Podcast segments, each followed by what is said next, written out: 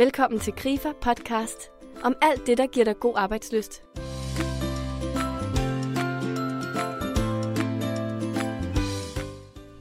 Efter ferien begynder jeg at løbe igen, og så får jeg hurtigt smidt de ekstra kilo. Du kender måske godt situationen. Idealvægten er et stykke væk, motionen lidt for sjælden, og det hyggelige stykke kage eller chokolade er nærmest blevet til en vane. Tit tænker vi, nu skal det være anderledes. Men for mange af os lykkes det desværre ikke helt. Hvad er det, vi gør galt? Jeg har haft besøg af Morten Fisker Laversen, en foredragsholder, der kalder sig selv sundhedsfilosof. Morten afliver myten om, at der findes et quick fix, og udfordrer os i stedet til at tænke mere helhedsorienteret omkring vores sundhed. Jeg har snakket med Morten i vores åbne kontormiljø, så der er leben med arbejdsliv omkring os. Mit navn er Peter Høst. Jeg er konsulent hos Krifa. Lyt med og bliv inspireret og udfordret på både kost, motion og for eksempel taknemmelighed. Hvordan er du kommet i gang med at blive optaget af det med, med kost og træning? Jamen, træning har jeg egentlig altid været fascineret af. Fra jeg var lille har jeg altid syntes, at Sylvester Stallone og Schwarzenegger, de var bomben.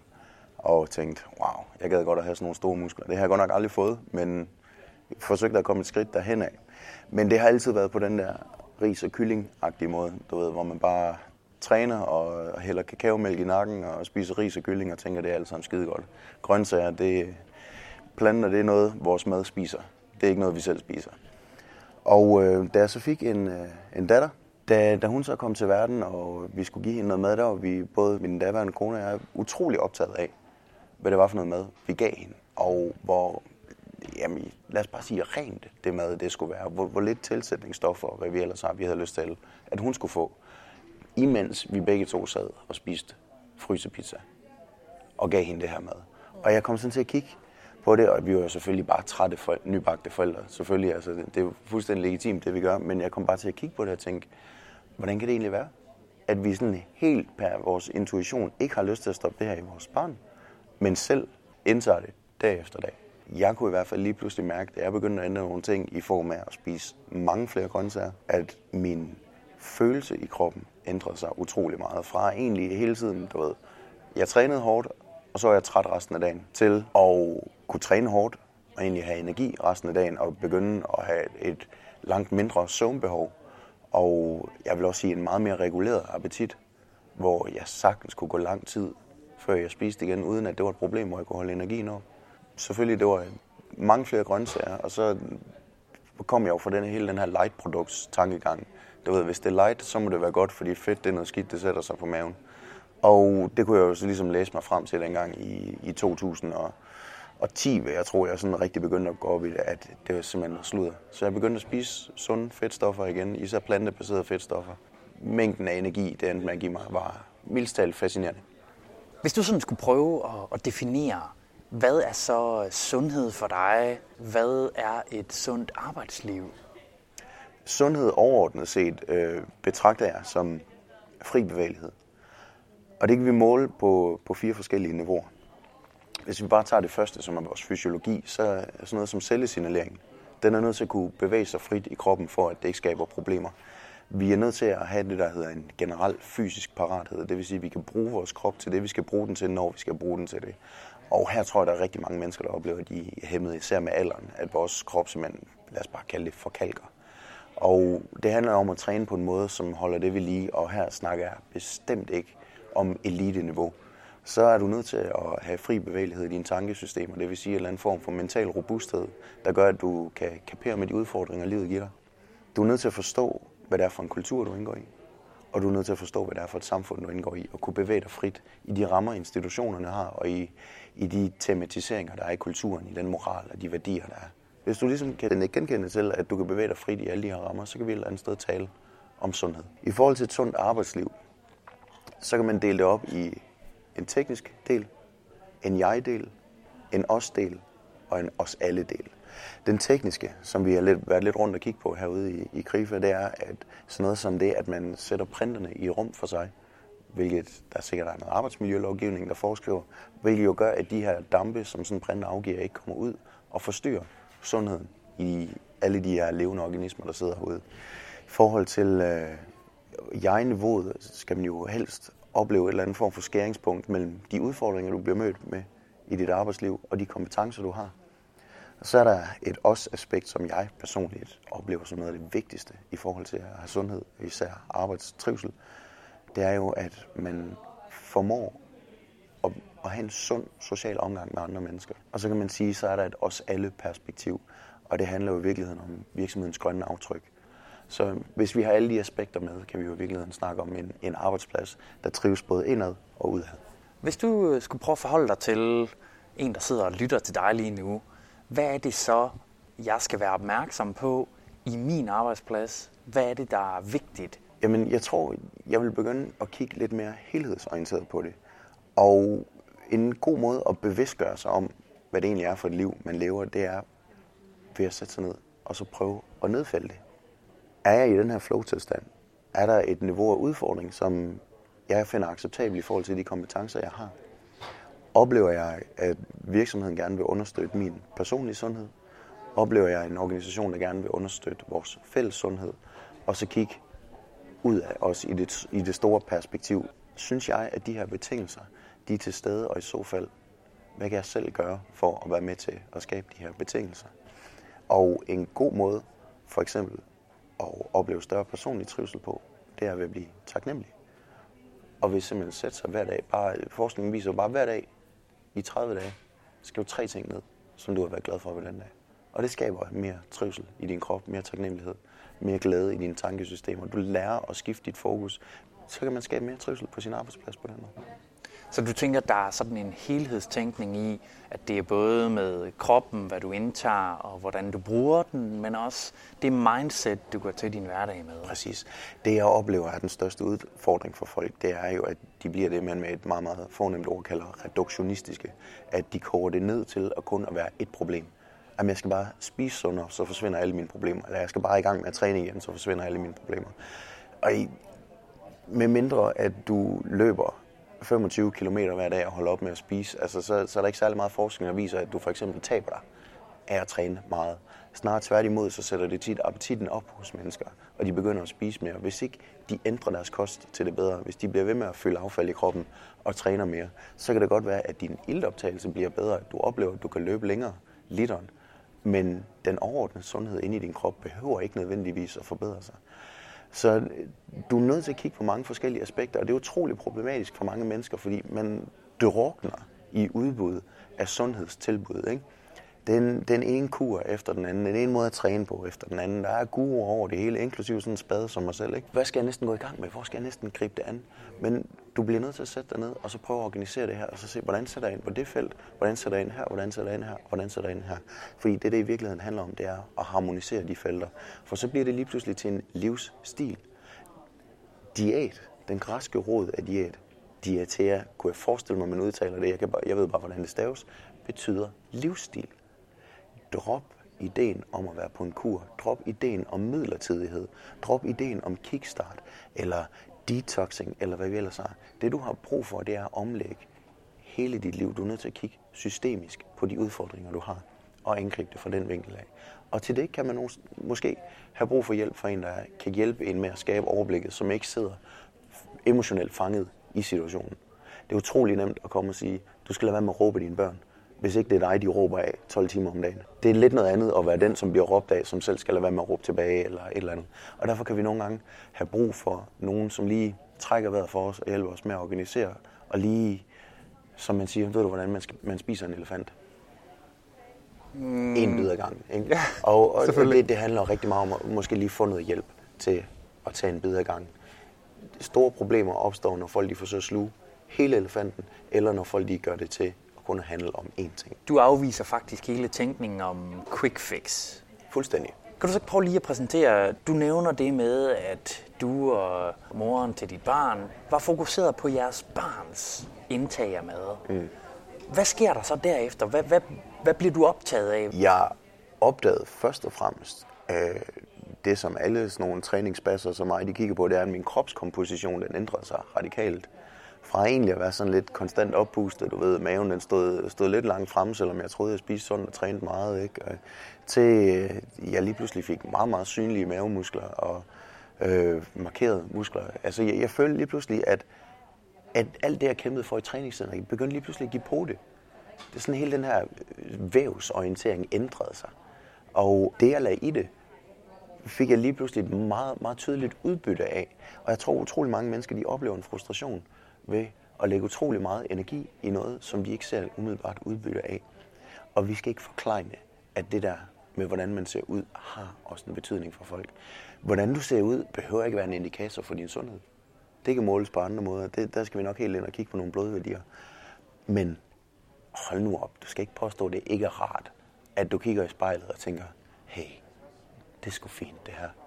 Så, så højner det jo i den grad motivationen for at fortsætte. Og jeg synes, at alle mennesker fortjener at kigge på sig selv på den måde.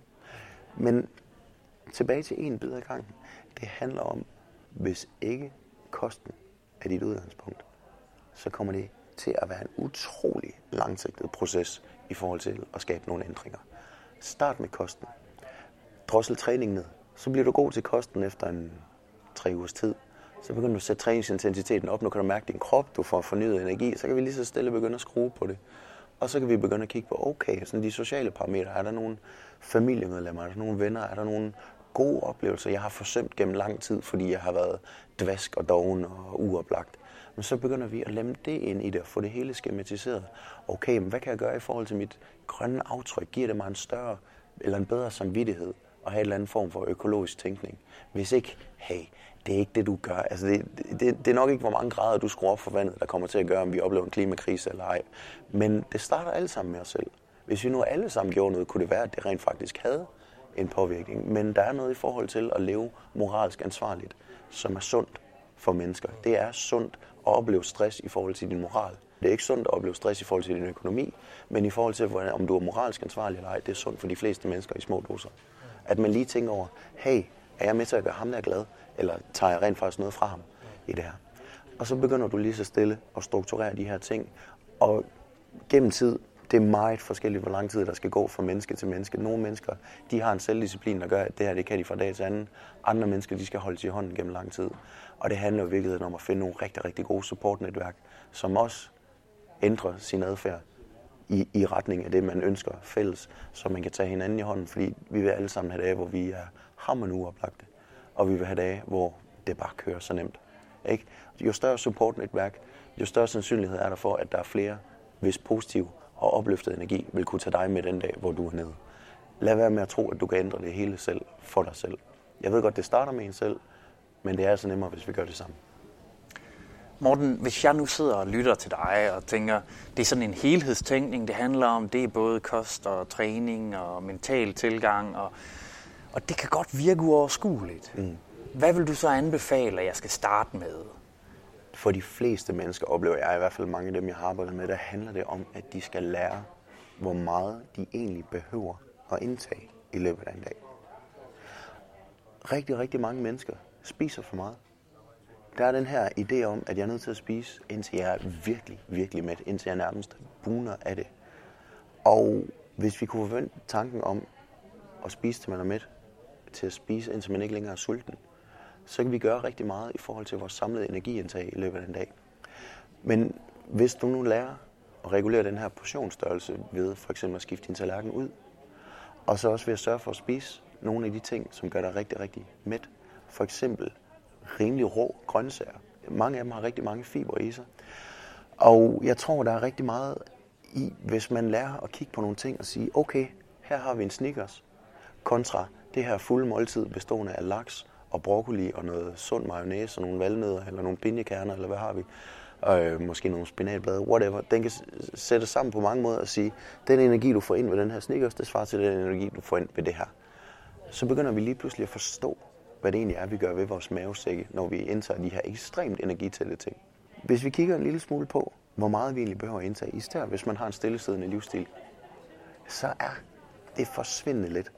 Og hele den her industri med proteinpulver og proteinbar og sådan noget, jeg tænker, at den burde i bund og grund være forbeholdt topatleter, som træner flere gange dagligt og har rigtig, rigtig svært ved at indtage protein nok. Nyere studier, og nu er jeg jo så heldig det sted, jeg arbejder, at vi har masser af både medicinstuderende, fysioterapeuter og idrætsstuderende, som hele tiden kommer og rapporterer omkring de her studier. Vi diskuterer det jævnligt for at gøre det så godt som muligt, det vi tilbyder. Det viser simpelthen, at det forsvinder lidt. Det, er, det sidste, jeg hørte, var 3 gange 20 gram protein i løbet af en dag, selv for folk, som træner på almindelig plan, ligesom jeg gør, som vil være en 4-5 gange om ugen.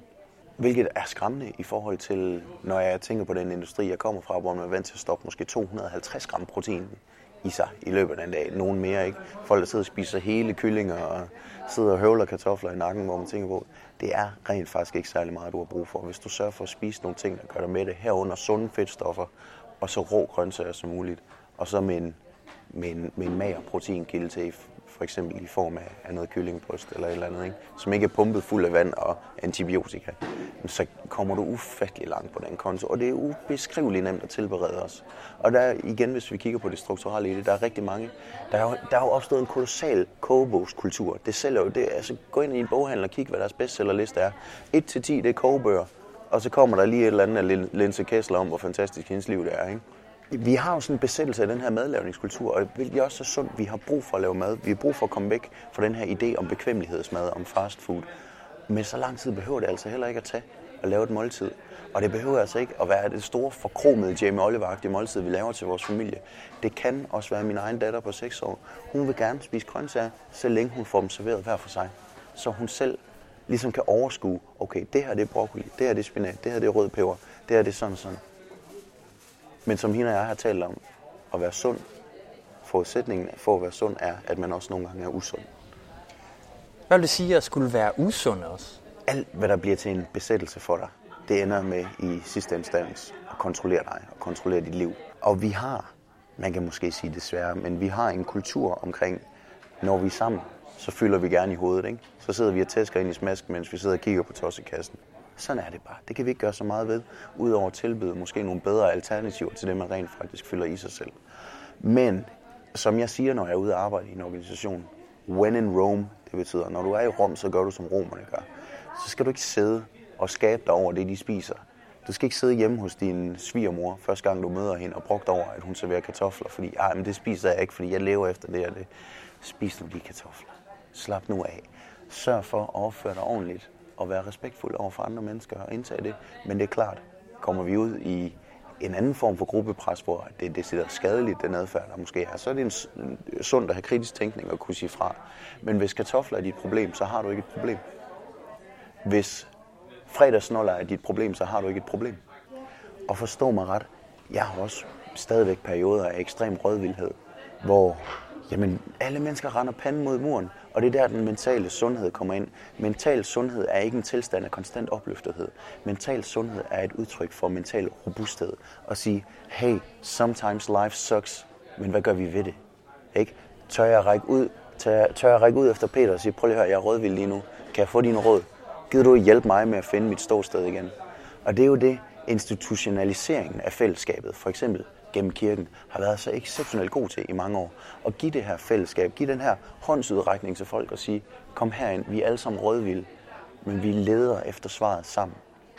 Og der er jo sådan et godt ordsprog, der hedder, følg de mennesker, der leder efter sandheden, og forlad de, der siger, de har fundet den. Det gælder også mig. Sådan det er jo tydeligt at mærke, at øh, der er noget, du virkelig brænder for. Og du, du er passioneret omkring det her arbejde. Du, du har fat i med både kost og træning og mental sundhed i det hele taget. Hvis du sådan skal prøve at beskrive, hvad er det, du drømmer om at være med til at skubbe til? Hvad er det for nogle mål og drømme, du ser? Jeg tænker, i forhold til, hvordan vores samfund er indrettet, så bruger folk utrolig meget af deres tid på deres arbejdspladser og søger utrolig meget realisering gennem deres arbejde og finder utrolig meget identitet gennem deres arbejde. Hvis vi i stedet for at kæmpe imod det vilkår, accepterer det vilkår, så kan vi måske gå ind og begynde at snakke om, hvordan skaber vi så mest mulig trivsel på arbejdspladsen. Og det er der jo rigtig mange steder, hvor man gør og siger, okay, jamen det er sådan, det er, men hvordan arbejder vi så med det, der rent faktisk er? Og der vil jeg gerne være med til at udbrede på arbejdspladserne de her filosofiske idéer om trivsel, som vi kan spore helt tilbage til Aristoteles, og så op til nyere forskning under Martin Seligman, som har skabt en positiv psykologi, som viser, hvor vigtigt for eksempel sådan noget som karakteregenskaber er for trivsel. Morten, nu er der jo meget omkring øh, nytårsfortsæt og komme godt i gang med det nye år med, at nu skal jeg øh, skære ned på kage eller kvitt tobakken, eller hvad det måtte være. Mm. Hvis du skulle sådan prøve at give os et helt konkret råd, som er mm, måske en af de lavt hængende frugter i forhold til at gøre en indsats mm. i forhold til at prioritere nogle gode valg ind i en, ens arbejdsliv. Hvad er det så, der sådan lige ligger dig på hjerte? Hvor er det, vi kan være med til at påvirke det her med et sundt arbejdsliv? Ja. Det, der er den mest lavt hængende frugt, og det er, det er en fin metafor for det, det er jo selvfølgelig kosten. Og det er, fordi vi bruger så ubeskriveligt meget tid i løbet af vores dag til at tænke over mad og tænke på mad. Og derfor er det selvfølgelig det primære indsatsområde. Det er det mest nærliggende for alle mennesker. Det ligger lige til højre ben og gør en indsats der. Også fordi det er der, vi helt tydeligt kan se, at det gør en forskel. Hvor meget forskel det gør, det er op til debat. Det er også individuelt. Jeg er jo personligt en, der nærmest kan, kan afsætte en ufordøjet forret, fordi mit stofskifte er så højt, som det er. Så det er utrolig nemt for mig at stå og være, være prædikerende i den henseende, og andre er utrolig udfordret, hvor de nærmest tager alt, hvad de spiser på. Det er jeg godt klar over. Folks fysiologi er vildt forskellig, men det er stadigvæk ved kosten, vi på den lange bane også især kan gøre en indsats. Det, det handler om, hvis du vil have det med på din arbejdsplads, det er selvfølgelig, vi er nødt til at finde ud af, hvad det er for nogle underliggende årsager, der er til, at du stopper for meget i hovedet. Men til at starte med, handler det om at skabe det bedre alternativ. Folk spiser, og folk de spiser tit for at bedøve sig selv i et eller andet sammenhæng. Det kan være arbejdspresset er for stort, det kan være, der opstår stress, det kan være en arbejdsopgave, man ikke lige kan kapere. Og så er det en lynhurtig, man lige rækker ud efter chokoladen eller karamellen, eller hvad der nu ellers ligger på bordet, for lige at få det der hurtige quick fix, den der super hurtige belønning. Ah, nu sidder jeg også og knokler med det. Jeg skal belønne mig selv. Det handler om at få de der ting væk, og så få nogle bedre alternativer på bordet. Og her snakker jeg ikke nødvendigvis om en hel masse frugt, men det kunne jo for eksempel være, at man havde nogle nødder med, for eksempel. Især gerne nødder, som er meget øh, indholdige af, af de sunde fedtsyre, hvilket også giver en rigtig god mæthedsfornemmelse er godt for kroppen. Det er heller ikke godt for kroppen at sidde og stoppe sig med nødder konstant. Det handler om moderation. Det handler om Aristoteles skyldende middelvej her. Men prøv at finde så vidt muligt det sunde alternativ, og så prøv at gøre dig bevidst omkring, hvorfor og hvornår det er, du stopper i hovedet, som ender med, at du ender med i løbet af dagen at stoppe for meget i hovedet. Og det kunne jo for eksempel være at indrette en skrivepraksis og sige to gange om dagen, så sætter jeg mig ned og gør mig lige nogle tanker om, hvordan min dag egentlig gør, går, og hvornår jeg har, har spist noget, hvor jeg egentlig bliver opmærksom på, at der er ikke nogen grund til at spise der. Hvis vi lige gider tænke bare en lille smule lidt mere funktionelt over, hvad det egentlig er, vi stopper i os selv, hvad det er formål er med det, vi stopper i os selv. Og så handler det jo tit om energi gennem arbejdsdagen, men faktisk giver det ikke mere energi at sidde og fylde sig med guldkarameller, fordi dit blodsukker ryger op og ned og op og ned og op og ned.